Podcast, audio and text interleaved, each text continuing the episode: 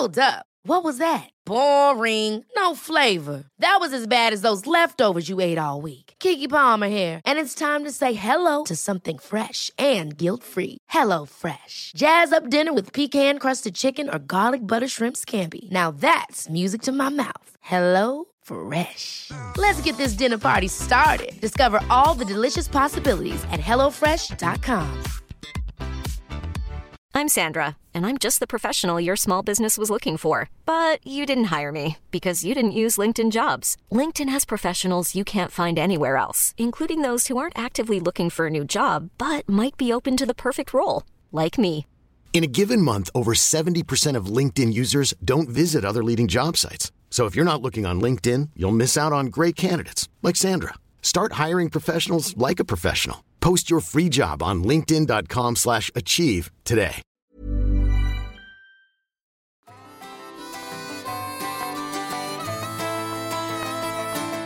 Uh, hej, hej, hej och välkomna till uh, ännu ett avsnitt av våran podcast Toppenjakt. Uh, idag är det lite en annorlunda dag för oss här. Vi är ju fem stycken som kör den här podcasten. Vi är tre åt gången. Men idag är våran pappa Trygghet ledig. Det vill säga Kalle. Så att eh, det är jag, Pang-Anders, som ska försöka rodda den här podden idag. Och med mig har jag Lill-Ove och Lars. Tjena grabbar! Tjena, tjena. Tjena! Hur, hur är läget med er? Ja, men det är bra tycker jag.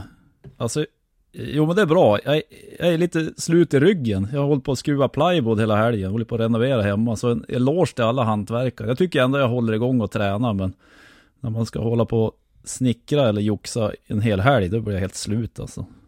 Men annars är det Du har, bra. ju också, du, du har ju också fyllt 40, ska vi ha i beaktande. Det Ja. andra, ti- det andra tiden nu efter 40 Ja. Larsson.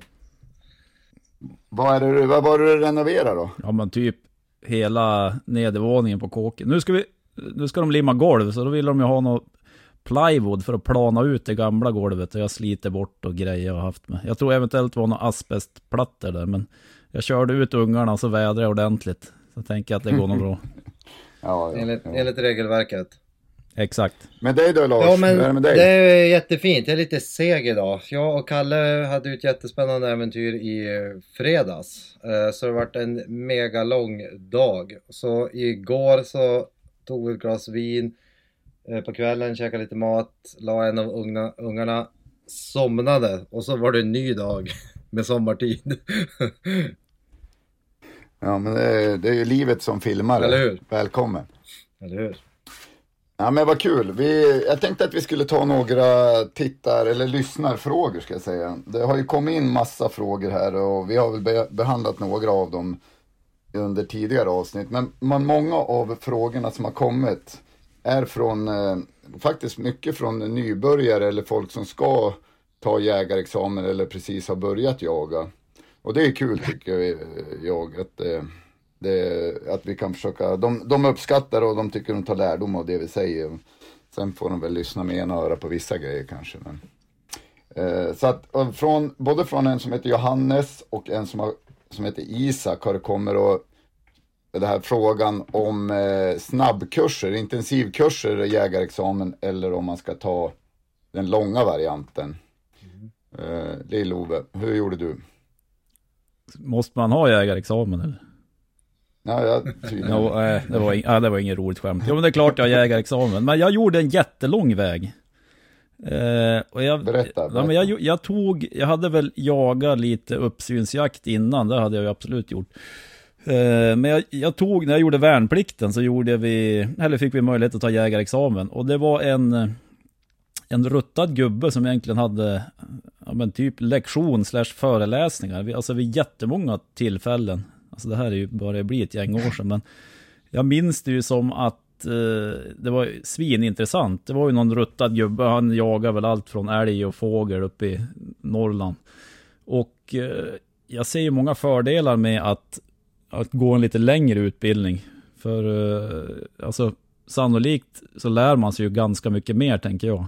Alltså att det blir mer befäst, alltså det man lär sig. Mm. Eh, eh, vi hade även möjlighet att, alltså mycket skytte, mycket teori och ja, men alltså jaktanekdoter. Det kändes som man lärde sig rätt mycket. Men Fick en bra bild av jakten i alla fall.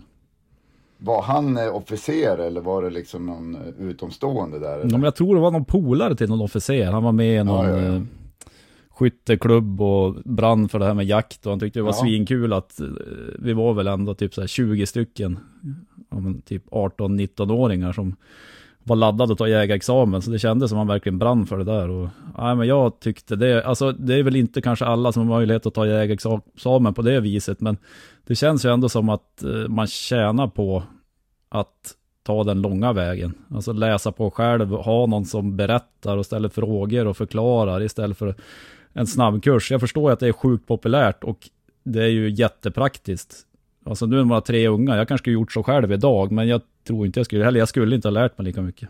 Men, det, men där tror jag du sa en viktig grej, eh, uh, Lill-Ove, att det beror lite på situationen vart man är i livet. Jag, om jag går till mig själv så jag vill minnas att nu är jag uppvuxen i ett mindre, mindre samhälle, men jag vill minnas att det fanns något som hette FA, fria aktiviteter på högstadiet. Och på våran skola tror jag att man fick ta jägarexamen faktiskt där, eller fiske eller någon annan aktivitet. Det är någonting jag ångrar lite, så att jag tog ju jägarexamen lite senare i livet och det var precis då när vi eh, hade fått eh, barn. Och det turade sig så att min granne hade anmält sig till en, eh, en kurs eh, i Boden tror jag att det var. Och så frågade han om inte jag skulle vara med. Och då kände jag så ah, egentligen har jag inte tid med det där. Men då tackade jag där, för det var en gång i veckan. Jag tror det var tisdagar 18 och sånt där. Men, men eh, det blev av. Eh, Ja. mot, jag, jag, tycker, jag upplever ofta om man ska ta ett körkort eller man ska göra någonting sånt där lite äldre i livet att ah, man faller alltid att man ska ta tag i det själv och att det blir av. Då är risken att det inte blir av. Så för mig var det guld att han tog med mig på det. Jag, jag gjorde det och så fick jag det gjort. För annars hade jag hade aldrig tagit tag i det själv tror jag och bara läsa någon litteratur eller något sånt där på egen hand. Ja men, ja, men det låter ju vettigt. Det är ju som jag brukar säga till de som eh, är sugen på att skaffa hund, men, ja, men typ som har någon liknande livssituation som en annan. Man kanske har barn och man jobbar för fullt. Och så passar det inte riktigt, då brukar jag säga, det kommer aldrig att passa. Det är ju bara, antingen gör du det eller så skiter du i det. Faktiskt. Ja men så är det lite. Men, men eh, gjorde- ja, jag gjorde också den långa kursen. Det var väl, jag vet inte, kan det ha varit åtta veckor en gång i veckan eller något sånt där eller någonting. Det var ju länge sedan. Men jag pluggade även då annat, så man var väl inne lite i den här plugggrejen också. Som man helt har tappat nu. Men, men, men om jag ska vara en, lite djävulens advokat här, eller vad jag säga. Vad, alltså. Dels så har jag känslan av de här snabbkurserna att de egentligen bara sprutar ut, alltså att alla ska bli godkända. Kan, eh, vad tror ni om det? Är jag helt ute och cykla? Men jag, alltså jag, jag, jag kanske också får den känslan lite grann, rätt eller fel har jag inte en aning om, men jag vet, alltså vad brukar de vara? Är de typ på tre dagar eller något sånt där? Jag tänker, hur, Ja, hur, alltså det är ju ändå ett sjukt brett ämne. Alltså med artkännedom och jakttider och ja men det är ju jättebrett. Jag tänker hur fasen ska man lyckas göra det på tre dagar? Men bevisligen så funkar det ju, men ja, frågan är ju hur, hur bra det är i långa loppet. Men man lär sig, alltså man måste ut och jaga för att lära sig också. Det, Jo, men jag tänker att de, folk har betalat dyra pengar liksom. Och det är nästan som garanti på att du kommer ha jägarexamen på söndag eftermiddag när du stämplar ut. Det, den känslan kan man ju få ibland. Och, och, men, och då ska jag komma till nästa grej, vad ni tänker om det här. Alltså är det någon större panik då? Om man liksom, när lär man sig att jaga? Det är ju inte där man lär sig att jaga. Och det är ju lite som alla, alla andra studier liksom. Du kan, du, du kan ju det inte förrän du börjar med det och har gjort det jättelänge. Eller som på en arbetsplats eller på ett yrke. Oavsett hur mycket studi- Nej. studier du har utfört så lär man sig jobbet på jobbet. Tänker jag. Ja men, ja. men det, det har du ju helt rätt i. För det är ju samma det här, nu är det för länge sedan jag tog jägarexamen. Jag tyckte det var en svinbra utbildning. Jag tyckte ju ändå att, jag vill minnas att jag hade ju ändå en hyfsad, i alla fall, eh, alltså mot att fixa teoriprovet så tyckte jag hade bra kunskaper. Men jag var ju, alltså jag var ju sjukt oruttad jägare.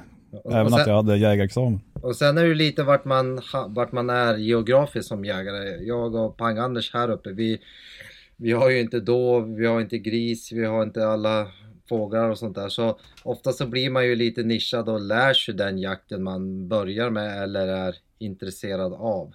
Jag kommer ihåg de här sjöfåglarna var väl alltid en sån här på jägarexamen.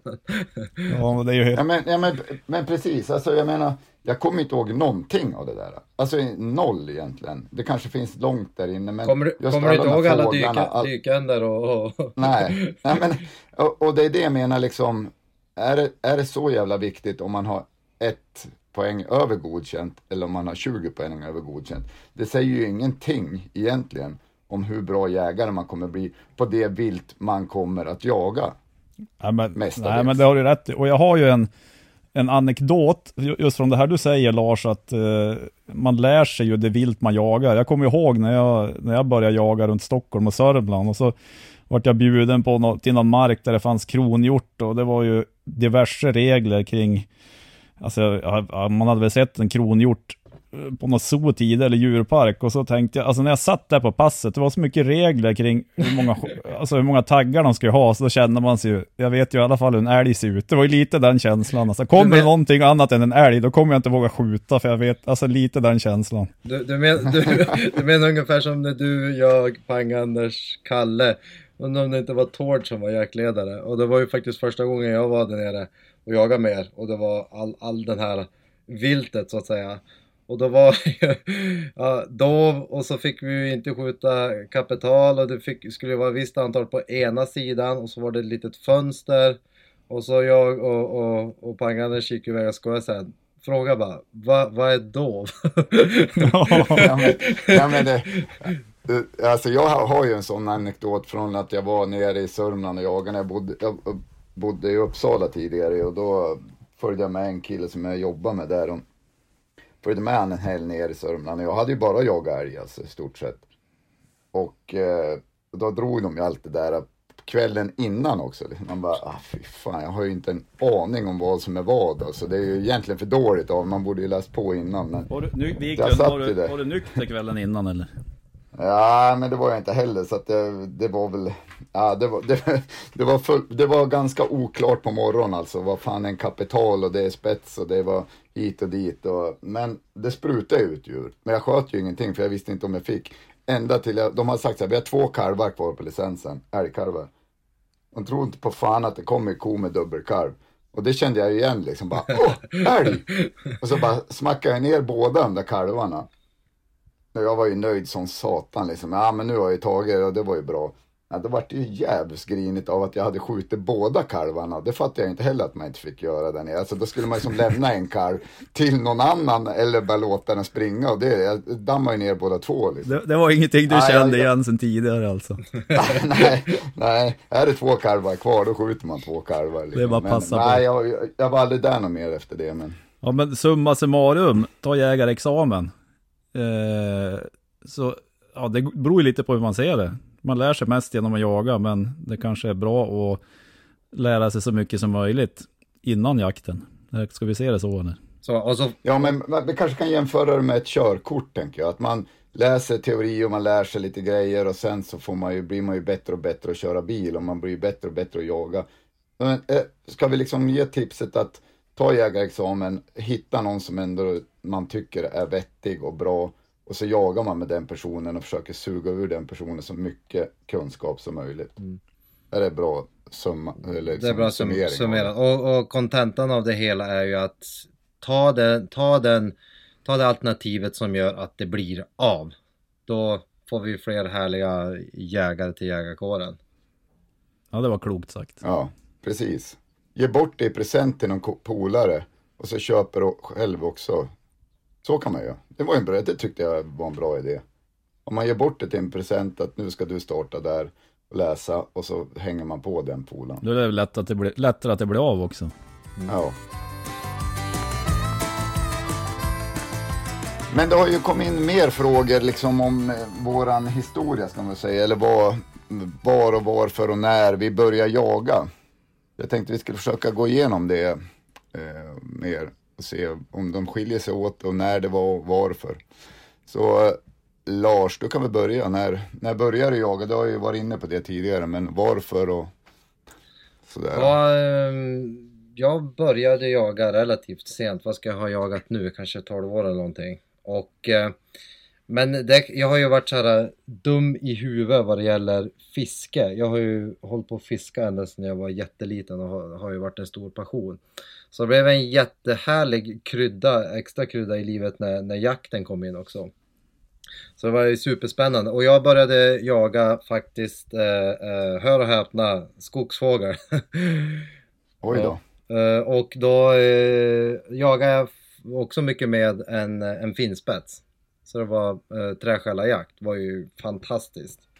Och jag kommer, min första, första fågel jag sköt var ju, den, det minnet kommer man alltid ha kvar, det var fantastiskt minne.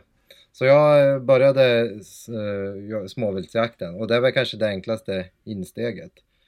Och eh, det ligger väl mig fortfarande väldigt varmt om hjärtat att jaga just skogsfågel och, och ripa och småvilt. Ja, har du någon uh, så här, jakttradition i familjen liksom bakåt eller?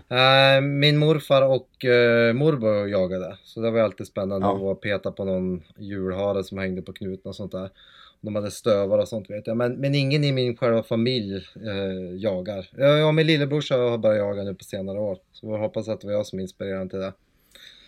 Säkert. Ja. Men, eh, och det första viltet där, vad var det liksom? Eh, det, var, det var en tjäderhöna. Det var tjäderhönan där. Ja, det var det. Mm.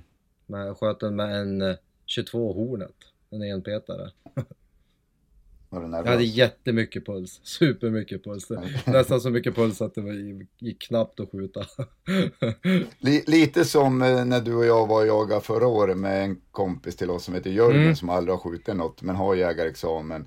Eh, och eh, han skulle skjuta sin första tjäder och bössan skakade ju alltså så att man såg det. Ja. Den bara fladdrade i så här en till slut fick vi ta tag i pipan, bara lugna. Och, och, det var, nu får det och det var ju superhärlig upplevelse, det var så genuint härligt. Och han sa, alltså jag kan inte skjuta, jag skakar för mycket. Så han bara backade en meter, tog några djupa andetag, gick fram. Ja. Han sköt ju första skottet, bom, och så hade vi så tur att den satt ju kvar. Nej men det var inte ens första tjädern, för första tjädern backade han bara ur, det går ja, inte. så var det kanske. Då började jag svära och ha med. Jag satt mig framför Det gjorde du, Peppan, skällde ut honom fullständigt. Nej, vad i helvete, skjut nu då för fan, det är ju god läge här. Mm. Nej, så då sköt jag den och sen fick han ju en chans till. Det var en magisk dag, det var ju, alltså vi såg kanske tio tjäder. Ja, det var en helt fantastisk dag. Det var ju bra att du klev fram där Wiklund. Ja, man får ju ta tag i det där om det, ja. om det blir ett skak. Ja, det är bra. Um, Jaha, Lill-Ove, du då? Du, du känns ju som den som, av oss alla i eh, toppenjakt här att det är du som har jagat längst och kanske också den med mest kunskap. Vi andra går ju mest bara på känsla. Ja, längst lär det kunna vara. Men alltså farsan har ju jagat älg så länge jag minns. Eller ja, i princip, ja, i princip nästan bara älg han jagat. Och jag hängde väl med. Alltså jag var väl, jag vet inte hur gammal jag var, men jag var ju liten. Eller ung. Mm. Men eh, jag tog ju inte jägarexamen förrän, ja men jag måste väl vara 18 när man gjorde, när man gjorde lumpen. Ja, precis. Men jag kommer ihåg också när man var med farsan, när man var, jag tyckte det var svinkul att hänga med och, alltså hundföraren och gå med hund. Eh, så det är väl, jag var, då var jag med när det sköts någon älg och, eh, och mitt första vilt var ju också en älg, en älgkalv. Jag hade en svingammal Husqvarna 3006 med stenhård bakelit bakkappa. Eh, det var lite halvlångt håll. Det var på gångstånd över något hygge faktiskt. Där uppe, ja men där jag jagade med farsan bland annat. I... Men fan, det är ju inte, det är inte alla som får skjuta på gångstånd. Nej, det var ju, alltså det är ju en mäktig upplevelse. Det var som en liten holme, en liten ö på det där hygget, en liten höjd som jag satt på. Och så hade jag hört hunden svinlänge. Det var en duktig grå hund, den är väl död för länge sedan. Men, och man satt ju på duktigt helspänn över tid. Från att man börjar höra, höra hundskall. Och till slut så, jag vet inte om hundföraren försökte smyga och det gick loss. Och så gick det ju rakt ut på hygge. Jag, alltså jag vet inte hur långt det var, men man drog iväg en mäla med den där 3006 och det bara sjöng i öronen. Och så ser jag kon springa iväg. Jag tänkte, vad fan hände med kalven? Bommade jag eller? Och så hörde jag på radion om passgrannen bara, ja nu kom, sprang förbi en älgko här. Tänkte, ja hoppas han ligger nu då. Så hade jag skjutit lite högt, så det var ju bara knallfall. Men jag hade ju typ noll rekylupptagning, så jag såg inte vad som hände med den där kalven. Men det där minns man ju typ som att det var igår. Det där har man ju reflekterat över. Eh, att, alltså man, de älgar man sköt i höstas, det minns man ju knappt. Men första viltet, det, ja men någonting speciellt är det ju. Ja, så är det ju. Men är det, är det inte lite skrönare här om att man kan se att det dammar till i pälsen och det, den rycker till lite hit och dit. Alltså, nu har jag skjutit med 9-3, det är kanske därför, men, men inte fan har jag någonsin sett att de har tecknat speciellt mycket eller att det dammar till i pälsen. Det blir ju liksom att man, ja, den där måste ha suttit. Ja, men det, det enda det dammade till i, det var väl mina öron och min högeraxel. Något mycket mer såg jag inte kan jag säga. Det blev ingen halvmåne då? Nej men faktiskt inte. Nej, nej. Eh, men, ja men, ja, alltså det är ju, alltså damma till i pälsen, det tror jag aldrig jag sett alltså. Men däremot har man ju sett att de tecknar, att man ser att det Ja, där, att de hukar till jo men det där tog kanske. ju liksom, men ibland har man ju också känt att typ en älg eller gris eller vad det än är, där man tyckte att ja men det där kändes ju ändå bra. Noll täckning och så springer de i 300 bort alltså. Då, men det kan ju vara en klockren träff ändå. Så det är ju långt ifrån alla gånger man ser på viltet att, att de Nej. tecknar i skottet. Nu, Nej men jag blir, jag blir alltid så här, jag, alltså varenda älg jag skjuter har jag varit så här, helvete. Fan, alltså typ, jag, ja, jag bommar. Alltså det, det här, det, alltså att man, jag får ju så sjukt dåligt självförtroende efter skotten att nej, fan det, är, det här går inte. Men du, Wiklund, den där, när, när vi smög på ståndskall, den tecknar ju skottet i alla fall. Ja, som det snodde om. den historien, den måste vi föra. Den är ju jättebra Ja. den historien. Alltså, jag hade med mig Kalles hund Bonnie upp. Hon rosar väl inte marknaden direkt, det- kan vi säga nu när han inte är med här, men, men eh, på älgar, det, så är det hon är inte supergrym på älg. Men i alla fall så var det en gubbe där i jaktlaget som hade skadeskjutit en kalv. Och vi hittade blod och allting sådär. Eller han hade skjutit på en kalv ska jag säga, och hittar hittade blod och så. Men så jag tog dit Bonner och började spåra och det, hon räddade som inte ut det där spåret så till slut släppte jag och Lill-Ove var med. Och då tog hon ju upp och hade ståndskall typ 400 meter bort av en myr. Så vi började smyga på det där och var så jävla nöjda och glada. Och så börjar vi närma oss och enda, ja, Lill-Ove vet ju hur jävla hetsig jag kan bli. Och han bara, nu tar du det jävligt lugnt. Ta det lugnt, ta det lugnt. Ta det jävligt lugnt. Jag bara, ja, nu, nu måste jag ta det lugnt. Kan liksom inte bara skena iväg här nu. Och vi närmar oss närmare och närmare och till slut står ju den där Jag tror den restes upp när vi kom. För den låg. Så den restes upp liksom och jag hade inte riktigt koll på Bonnie vart hon var och så jag tänkte nu tar vi det lugnt här. Ja, vad händer? Typ en knuff i sidan, kom upp en pipa höger om skallen på mig och sen bara, bara boom! Och sen bara faller den där rakt ihop. Då tittade jag bara, vad fan gör du? Men du lär ju skjuta någon gång. i alla fall." Så bara, ja, ja, ja, ja, de, så att eh, det där kommer ju aldrig hända igen kan jag säga, att Lill-Ove snor någon älg. Nej, det fick lära dig hårda väg. Ja, men det gick ju bra. Men jag tänkte, ja, nej, men det var ju skönt. Vi fick ju omkull den där. Det var ju huvudsaken. Men planen var ju att du skulle skjuta. Jag har, jag har faktiskt Ja. aldrig mått dåligt över det där, men det vore ju kul om du skulle skjuta. mig. det, det har jag. Men du, och till, Väldigt många tilläggas kan ju att han som skadesköt kalven heter ju Ove. Mm. Och eh, jag Ja. tror ju inte Lill-Ove kommer ifrån att han heter Ove, men, Ja, det tror jag. Ja. Han var ju en speciell man. men det var ju en häftig upplevelse. Lär kanske.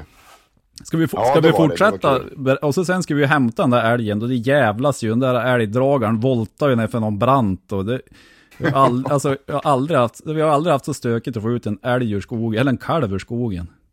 Och så när vi kommer tillbaks ett antal timmar senare, då sitter Ove och dricker kaffe i husvagnen. Och så kommer han, kom han ut och så säger han, ”Hörru du, jag skulle vilja ha det där hjärtat. Det var ju typ bara, det var, bara, det var inte så här bara, tack för hjälpen, vad bra att ni hittade den där skadeskjutna kalven, att ni hämtade ut den ur skogen. Man kände ju bara, men vad helvete. Det, Ja, det enda han han var säger. så jävligt vet du. Jag tänkte, jag tänkte vi kör tillbaka karljäveln ut i skogen så får du hämta han så kan du ta ditt hjärta. Är det, det, det älghjärta, ska jag, jag, ska jag kunna ta det ja? Nej, då var han lite högt upp i kurs alltså. Lill-Ove, du kommer, du kommer bli exakt likadan när du du Alltså om jag har sådana tendenser får du ge mig en käftsmäll Lars. Det är lugnt, Wiklund kliver in före han. Ja det är bra. Ja. Nej men jag eh, tog ju, jag tog jägarexamen. Jag har ju faktiskt tagit två stycken jägarexamen. Jag har ju även, jag bodde i USA ett tag. När jag var 16. Och då tog jag jägarexamen där nere också. Eller där borta. Eh, och det tog jag när jag gick skolan liksom. Det kunde man ta som kurs i skolan. Så jag började faktiskt min jaktkarriär i, i USA, i Texas. Och jaga, ja där jagar man jättemycket olika saker. Det var allt ifrån, det är så här deer. Vad är- Vad är det som vitsvansad hjort tror jag. Man ska jämföra det med. Och eh, ja, allt möjligt. Duva och ekorre faktiskt. Ekorre är ju förbannat gott att äta. Det tror man inte, men det är sjukt gott. Så att jag började där nere och jaga. Och där jagade jag ganska mycket. eh, Med, även med pilbåge och sådär. Och sen så tog jag, kom jag hem och farsan har alltid jagat älg. Men han har jagat älg på ett sånt sätt att de har gått ut i bondskogen, satt sig klockan sex på morgonen, suttit och tittat ut över Tygge, gått hem klockan 18 på kvällen. Och det har inte passerat någon älg. Utan hundar, ingenting. Så det var, jag var inte så här skittaggad på det. Och inget 4G heller. Nej, fan gjorde de alltså. Jag fattar inte. De kollade efter älgar, det var väl det. Men, eh, så att, men sen så bestämde jag mig och tog det då, ja, det kan ha varit 02 eller något sånt där. Och mitt första vilt var också en älg som jag, ja, jag kan ju dra den också. Jag, jag, min första älgjaktsvecka i september och så skulle jag dit och jag hade inte hunnit skjuta in farsans gamla bössa, den här 9-3 som jag fortfarande har kvar då för övrigt. Så att en kompis, ja en kompis till dig och mig, Lill-Ove Jonas, hade varit och skjutit in den där bössan och han bara, ja men den går väl helt okej, den går bra liksom. Det här är ju inte optimalt, det hade man ju aldrig gjort idag men. Alltså jag stövlade ut dit på något hygge och satt med, det var ju, jag tror det var första morgonen liksom. Och satt där och tittade och fan visste inte vart jag skulle titta ungefär. Och sen helt plötsligt tittade jag på hygget så står det ju en, en tjur typ 50 meter ifrån mig med bredsidan. Sjukt. Så jag bara, men helvete, upp. Damma iväg ett skott där så jag höll på att ramla omkull med bussen. Och sen, ja, han stod kvar. Det var ju precis där igen bara, men vad fan. Jävla började skälla på Jonas liksom, att han inte hade skjutit in bussen rätt. Så jag skjuter ett skott till. Och den där tjuren bara börjar stappla, springa, springer då emot mig. Och stannar 10 meter framför mig. Och så, ja men vad i helvete, så upp igen, badam, skjuter ett skott till det typ i stickhålet fram. Ja då slänger han lite, men han slänger som inte att han springer utan slänger, slänger med bredsidan till. Ja, fan skjuter ett till och då kastar han som in mot skogen. Och där och då är jag så jävla frustrerad så jag skjuter ett, sko- ett sista skott typ. Och det, det, det enda jag ser är som röven på honom liksom in i skogen. Sen, ja, sätter mig där och bara, men det här, vad är det här liksom? Vad fan har jag gjort? Ja, ja kommer ju jaktledaren dit med en hund och så börjar vi spåra därifrån. Och vi hittar ju som inte jättemycket blod, men lite granna alltså. sen. Och, och, ja, men spåra in 20 meter in i skogen, där ligger den ju. Samtliga skott sitter precis där jag siktar. Ä- och även rövskottet. Det sitter ju en jävla rakt Schweizerost Ja, alltså. ja. ja men det, just det var ju också så här sjukt att den liksom inte, om man får 9-3 i sig lär man ju börja kuta eller ramla omkull tyckte jag liksom. Men nej, han bara stod och vred lite på sig och tittade och såg förvånad ut. Så det var min första älg i alla fall. Så länge de har lite eh, sy- syre i blodet, igen. springer de alltså. Ja.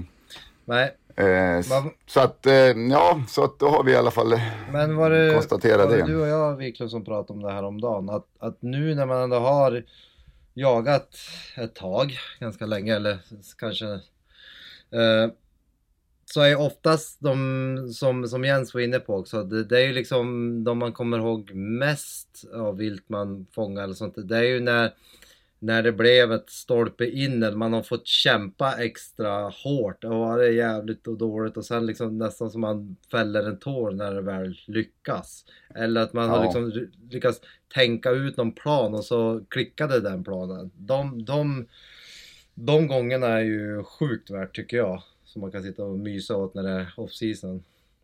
Jag håller med. Ja men, men, men, så är det ju liksom. Det hade ju inte varit kul att åka runt, nu får man inte göra det, men som ett exempel åka runt på ett, i en bil och skjuta älgar som man ser på hyggen liksom och tycka att det är jävla välgar vi skjuter. Alltså det, det är ju slitet och det är ju oturen och turen och uh, hur man har tänkt det innan och det är jättemycket som spelar in på vad, vad som gör ett, ett djur en, en jakt speciell. På ja, det, precis. Och så man, summa summarum så är det ju inte att man, det var den gången man sköt mest vilt, utan det var kanske den gången som var mest drama kring, eller det gick bra, ja. lyckligt, lyckligt slut tänkte jag säga. Ja, men jag har alltså också det här efterspelet. Jag har ju några minnen av älgar man har hämtat där man har fått slita som ett djur, men jag kommer, kommer inte ihåg hur vi, eller vem eller hur vi sköt älgen. Mer det här efterspelet. Man kan få vara ute i skogen tills det är kolsvart och någon har man fått lämna i skogen. Man fick inte ut den och gå tillbaks och hämta den dagen efter. Sånt där stök kan ju vara mm. svinhärligt, framförallt mm. efteråt. Ja, så är det. Uh, och dagens uh, poddavsnitt så har vi faktiskt fått en sponsor som heter spalla.se.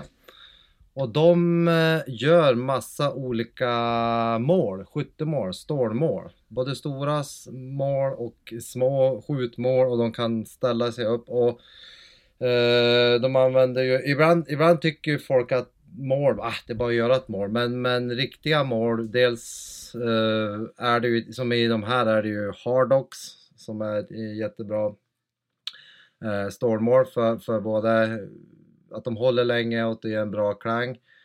Och eh, de är ju också i mått, de som skjuter på, på längre håll vill ju, ha, vill ju veta målets storlek och sånt där.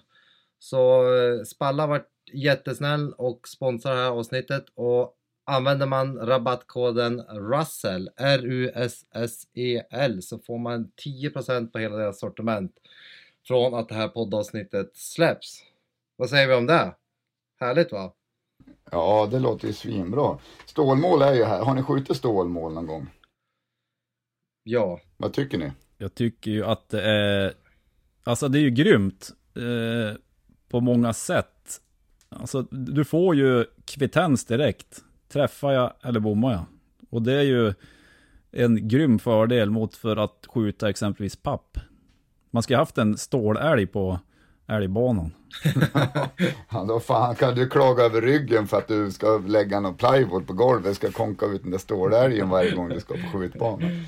Nej men jag, jag håller med, jag tycker att det är, eh, det är ju verkligen kul att skjuta stål. För att, dels för att du får kvittensen, du slipper också springa fram och bara, fan nu träffar jag.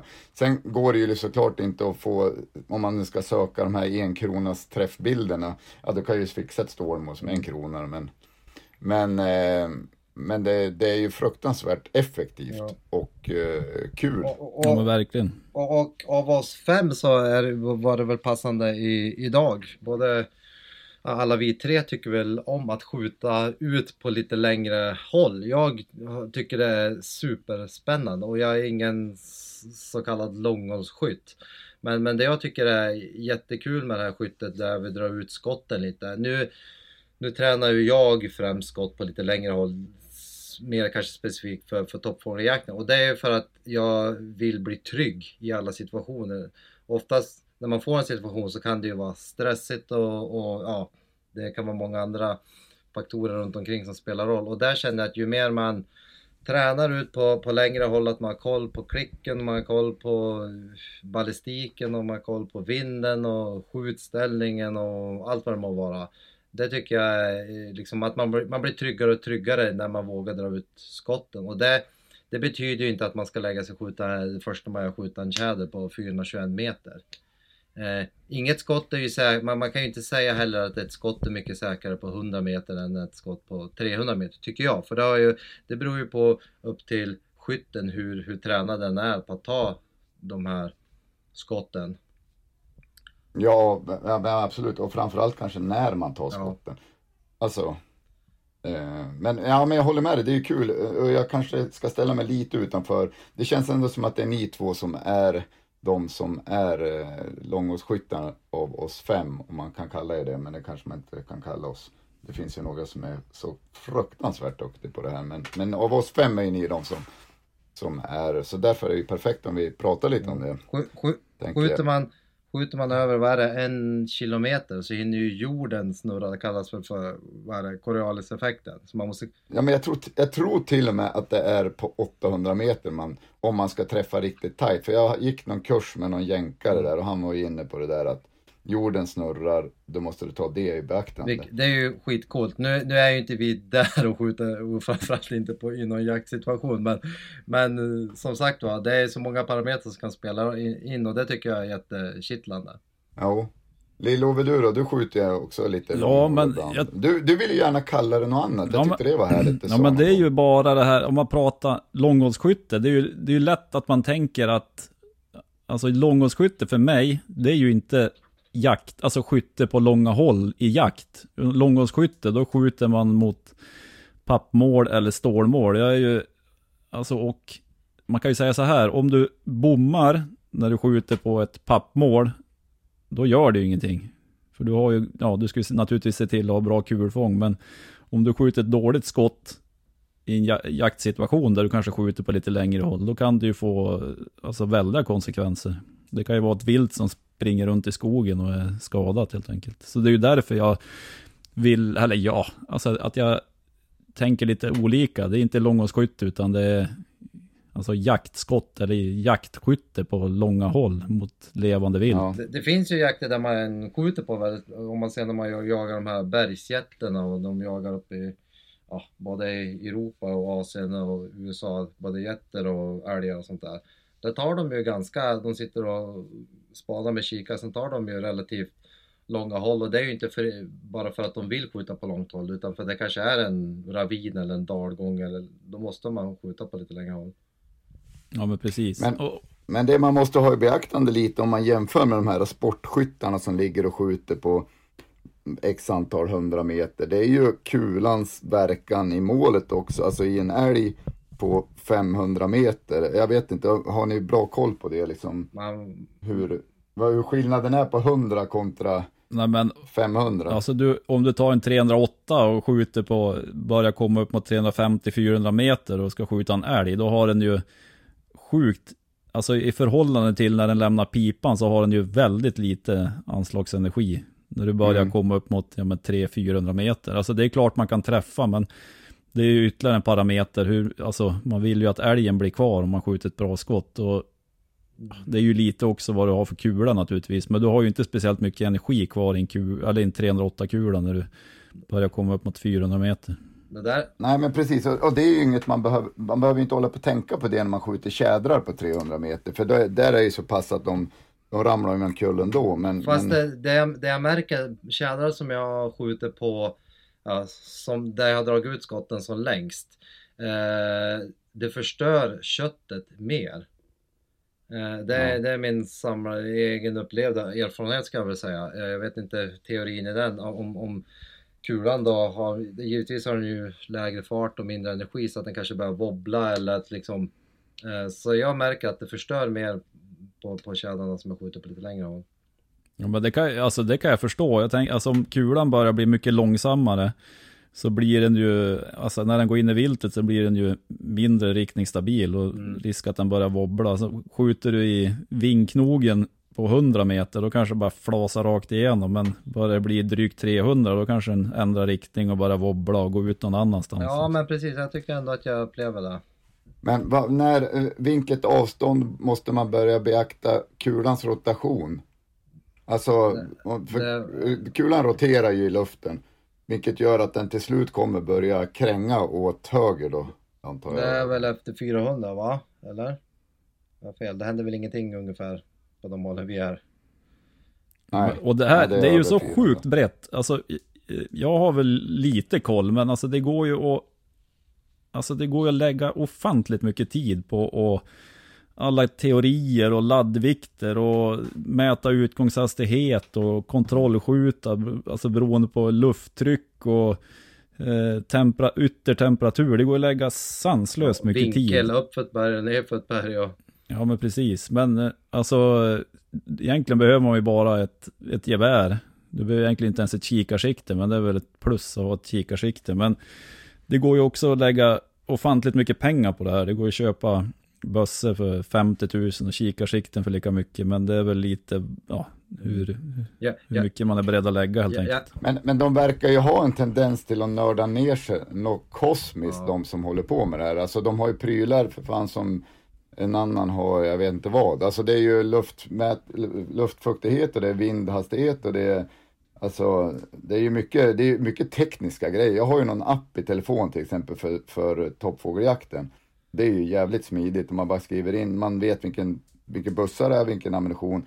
Så är det bara att skriva in avståndet, får jag klicken och allting och vinden och så att det finns ju enkla hjälpmedel. Men för att hålla ner den själv lite på jorden så brukar jag alltid tänk, tänka det. Oavsett hur mycket grejer man köper eller någonting så ett är det ju nästan kontentan när man är förvirrad eller frustrerad när det inte går som det ska så är det ju din egen träning och skytte, skyttefel, skjutställning, av, avfyrning och all, alla saker. Och då brukar jag också tänka de här fältskyttarna då. Jag har en gammal kollega som är fältskytt.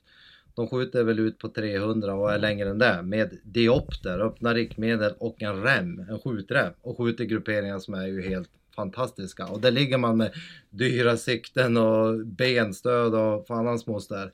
Och så tänker man, ah nu går det någonting som inte riktigt stämmer. Alltså visar det sig typ 99,9% av gångerna att nej det var det ju inte. Det var ju jag som spred som vanligt.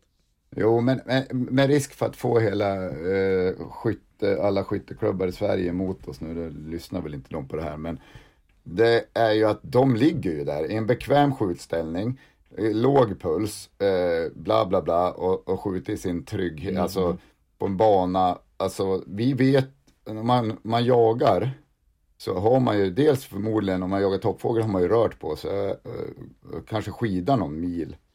Eh, du kan ju ha plumsa i snö sista 30 meterna för att komma fram till någonting där du ska lägga det. Och du hamnar i en liten halvkackig skjutställning liksom. Det, det är ju det är ju helt olika förutsättningar att jaga och skjuta eller att ligga och liksom finskjuta på någon jävla tavla på ett 500 meter. Och, och sen är det ju lite också skillnad. Nu, nu finns det ju i, i långgångsskytte så finns det ju grenar där man skjuter från barrikader och man ska hinna få iväg antal skott och omgruppera så man får lite dynamik i det vilket är väl, är väl härligt att sporten växer åt det hållet. Men, men många av deras riggar väger ju, nu ska jag inte säga 12 kilo, men de kan i princip skjuta utan att stå upp rekylen. Eh, Ett sånt jaktvapen är ju inte jättenice att släpa runt på i skogen. Man har viktat ner hela Nej. framstocken och balanserat och hela den biten så... Eh, men de, jag säger inget om det. Nej men å andra sidan, tränar man mycket skytte så har man ju ett överskott på, när man är trött så kommer man ändå kunna skjuta hyfsat bra. Ja, men- Kontra att man inte tränar något skytte och så är man trött så kommer man ju skjuta ännu sämre. Så att jag säger inte att man inte ska träna det, men man måste ha det i beaktande när man, när man kanske ser på Instagram eller någonstans någon som ligger där och matar fem krona på 4, 5, 600 meter. Att Det är inte riktigt som i jakten. Nej, och, det- och där säger du en bra poäng eh, tycker jag att, att ibland blir man ju så klisterlappsjägare. Man ligger på en skjutbana, man har gott om tid, det har man i och för sig aldrig, man ska ju alltid iväg på någonting. Men och så ligger man och jagar så tycker man att den här treklövern eller grupperingen, ah, så är det alltid en flyer åt något litet håll. Men i, i en jaktsituation på en tjäder eller på, på en älg eller på någonting annat än en bergsget så är det ju fullgott jaktskott. Den, den Ja. skiter ju om du satte den på klisterlappen eller inte om det liksom, oh den spred två centimeter. Ja, men så är det ju. Och något som, något som kan vara, även om man aldrig någonsin har tänkt att skjuta ett djur på 300 meter så rekommenderar jag att träna på det ändå. För Mm. om, man, om man eh, tränar en del och så känner man, ja men det går ju helt okej på hu- 300 meter. Och så sen kanske man kommer tillbaks på det avstånd som man känner sig trygg på. Då kommer det bara kännas ännu lättare. Du kommer ännu mer överskott och känna att ja, men, alltså det blir bara lättare. Alltså träna, träna gärna på längre håll, men oavsett om du kommer skjuta på det avståndet eller inte. Nej, nej, så är det ju. He- he- Helt rätt. Det är ju, sätter du dem på tavlan på 300 så blir det desto enklare att sätta dem på tavlan på 100. Och så sen kan jag ju säga, alltså, även om man eh, inte skjuter på, eller inte, man är så pass mogen att man låter bli att skjuta på långa håll. Men man tycker det är kul att skjuta långhållsskytte mot plåt eller papp så är det ju, alltså skytte är ändå skytte så det har ju en jäkla synergieffekt kan jag ju tycka. Eh, så det ska man inte glömma bort. Och alltså stålmål, många säger så här bara, ja men de är för stora, men det finns ju det finns ju jättefina stålmål som liksom, man har ju dels plingen när man träffar och som eh, går upp, alltså faller tillbaks upp efter, ja, efter träff. Eh, som, ja men det finns ju olika storlekar men man behöver inte nödvändigtvis ha en en gånger en meters plåtmål. Det finns ju mindre också. Mm, och, och man kan väl summera det lite som att Eh, att eh, långhållsskytte är ju en gren och skjuta, skjuta eller jakt är, är ju som en annan gren. Men ju, som vi är eniga över att ju mer man tränar att skjuta, skytte är ju som en träning. Du får bättre muskelminne, du får bättre koll på, på grejerna och alla parametrar och sånt där. Så givetvis tror jag att du blir även en bättre jaktskytt eh, om du har tränat mycket skytte. Ja, så är det. Men tränar vi för mycket stillasittande eller stilla mål och skytte kontra vad egentligen jaktsituationerna erbjuder. Det är ju det är ganska lite vi tränar på rörliga mål. Det är ju den här älgbanan där en älg som springer liksom, eller som far helt i samma hastighet, helt eh, lodrätt eller vågrätt. Men det, eh. det, kostar ju en slant, men skjutbiograf är ju helt magiskt alltså. Då, mm. Det blir ju så galet mycket mer effektivt än att skjuta på en pappälg. Men sen finns det ju eh, det finns ju andra möjligheter. Man kan, alltså, om man har tid och lust och en bra plats att vara på så kan man ju göra rörliga mål själv. Alltså lite kortare, du kan ju ha pappvildsvin som du drar upp och alltså det finns ju alla förutsättningar om man bara har tid, utrustning och rätt plats att vara på. Men rörligt skytte, det är ju, ja men, jag jagar ju också toppfågel, då sitter de ju still och jag skjuter väl kanske något rådjur eller någon gris på vak och pyrsch. Och då är de ju ofta stilla, men eh, många djur som jag skjuter, de är ju i rörelse. Alltså klassisk drevjakt egentligen. Ja, det är det jag tänker liksom. Procenten är ju rörliga mål, i jakt är rörliga djur kontra stillastående, då är det ju mer rörliga djur. Ja, men sitter du på pass på en drevjakt, då är det ju eller, naturligtvis kan det komma ett djur som stannar till också, men där är det ju hög procent som är i rörelse. Uh, ja. men för all... Så skjutbiografer kanske? Ja, skjutbiograf. Eller eh, någon egengjord kärra som man sätter upp någon papptavla på som någon polare jag, jag var, jag var så, säker anordning. Jag var så fascinerad av det här när man tar jägarexamen, det kommer jag faktiskt ihåg. Då skjuter man i hagel på en hare. Då är det som en om, omvänd ja. lerduvekastare som rullar iväg. jag tror det är en lerduva eller någonting som kommer, stu, ja, det är det, som kommer studsandes på backen och så ska man skjuta efter den. Det var ju svinroligt att skjuta, skjuta på en sån. Har jag ju då inte gjort ever since men... Nej, det är inte jag heller men... Men, eh, ja, men vi kan väl i alla fall konstatera att på långa håll så är ju stålmål att föredra. Det är också en härlig känsla när det tjongar till i dem när man träffar. Det är som att man får kutens direkt och uh, man blir jävligt nöjd. Och den och då, jag. Mer, mer nöjd än vad jag Och sen den lilla fördröjningen som faktiskt är. Kulan ska ändå flyga hela ja. den biten. Säger pang och sen efter ett tag hör man det eko. Ja, det är ju svinhärligt när man tänker bara fan jag bommar och så pling. Så alla som är intresserade går in på spalla.se, kollar alla fantastiska stålmål de har där av alla möjliga varianter och rabattkoden Russell ger 10% på hela sortimentet och den gäller i två veckor från vi har släppt podden. Det låter svinbra. undrar om vi ska göra med en passus till att om man lägger sig på en skjutbana med ett stålmål så måste man nog kolla med den skjutbanan om det är tillåtet att skjuta stål. Ja men absolut. Och... Det, det, är inte alla skjutbanor som tillåter det för att det kan vara skjutbanor Eh, på sidan om och om det inte är något sån här rikoschettskydd, ja. splitterskydd så, så. Men kolla det, det är inget vi tar ansvar Nej, och det ju, kan man ju även tillägga att eh, om du har, eh, alltså även om du inte är på en skjutbana, men du har ett fullgott kulfång bakom stålmålet så får man ha i åtanke att när du träffar målet så kan ju kulan sticka åt sidan också. Eller snett tillbaka. Mm. Så man ska ju liksom inte skjuta Alltså solida kopparkulor kan ju exempelvis ha större tendens att sticka iväg eller bli en hyfsad rikoschett. Så ja, man rekommenderar att skjuta egentligen fragmenterande ammunition när man skjuter stålmål.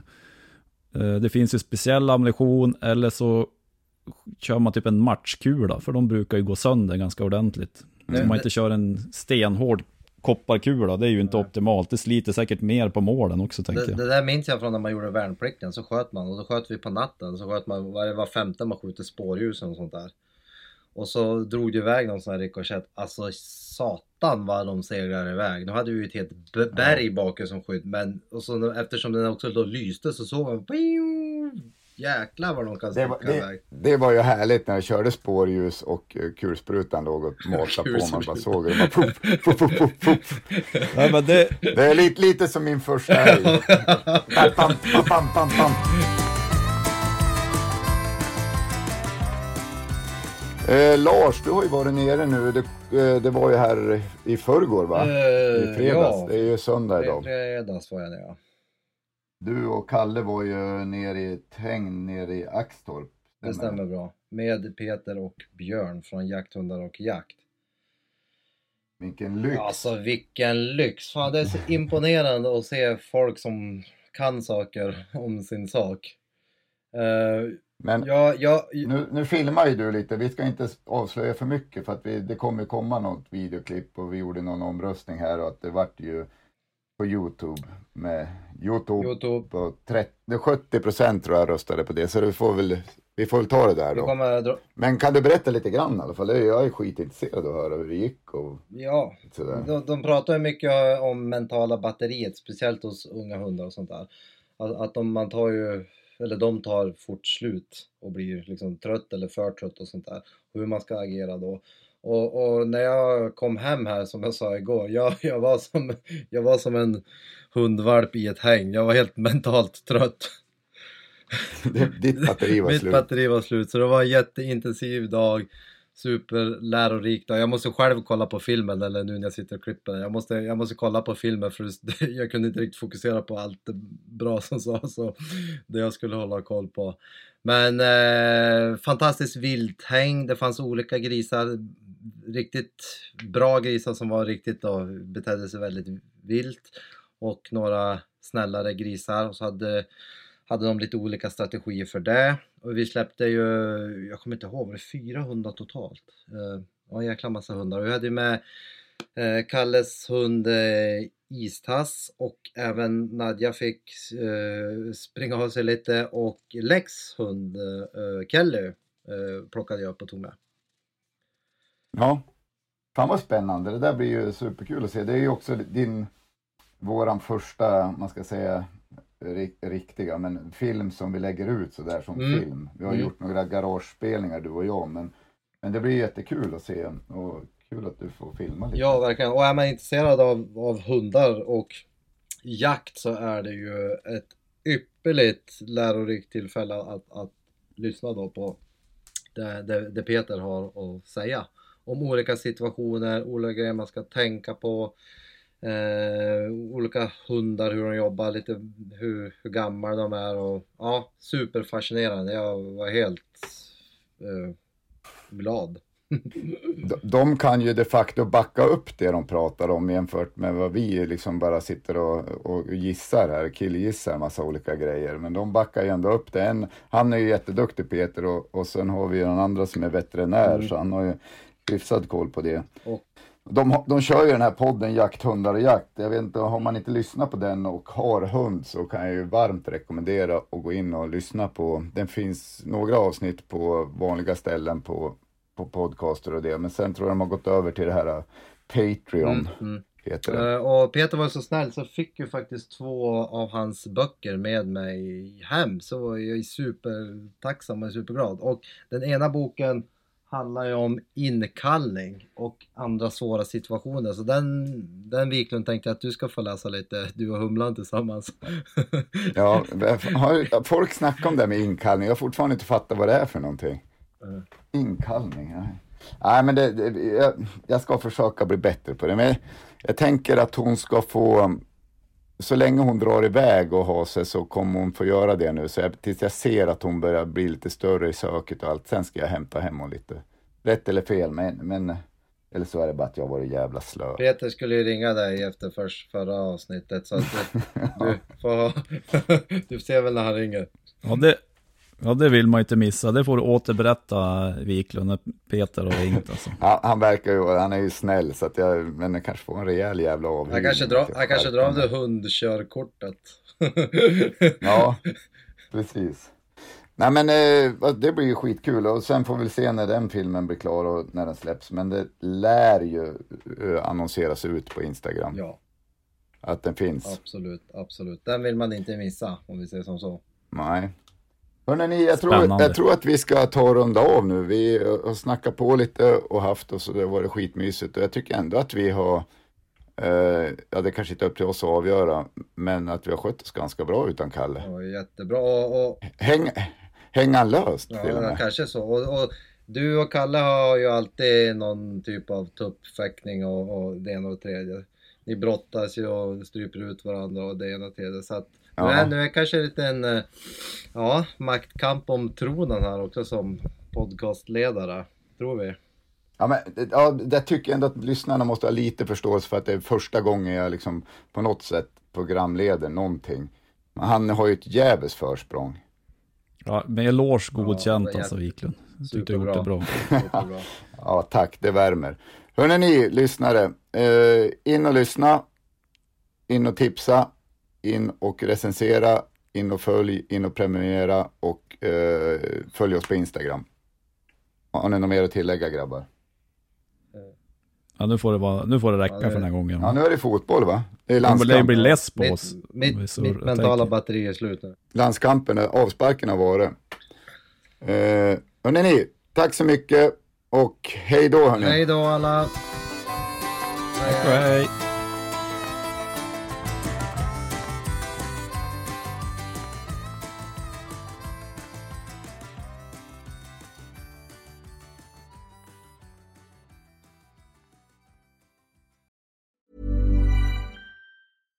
Even when we're on a budget, we still deserve nice things. Quince is a place to scoop up stunning high-end goods for 50 to 80% less than similar brands. They have buttery soft cashmere sweaters starting at $50, luxurious Italian leather bags, and so much more. Plus, Quince only works with factories that use safe, ethical, and responsible manufacturing. Get the high-end goods you'll love without the high price tag with Quince. Go to quince.com slash style for free shipping and 365-day returns. Ever catch yourself eating the same flavorless dinner three days in a row? Dreaming of something better? Well, HelloFresh is your guilt-free dream come true, baby. It's me, Kiki Palmer. Let's wake up those taste buds with hot, juicy pecan-crusted chicken or garlic butter shrimp scampi. Mm. Hello Fresh. Stop dreaming of all the delicious possibilities and dig in at HelloFresh.com. Let's get this dinner party started.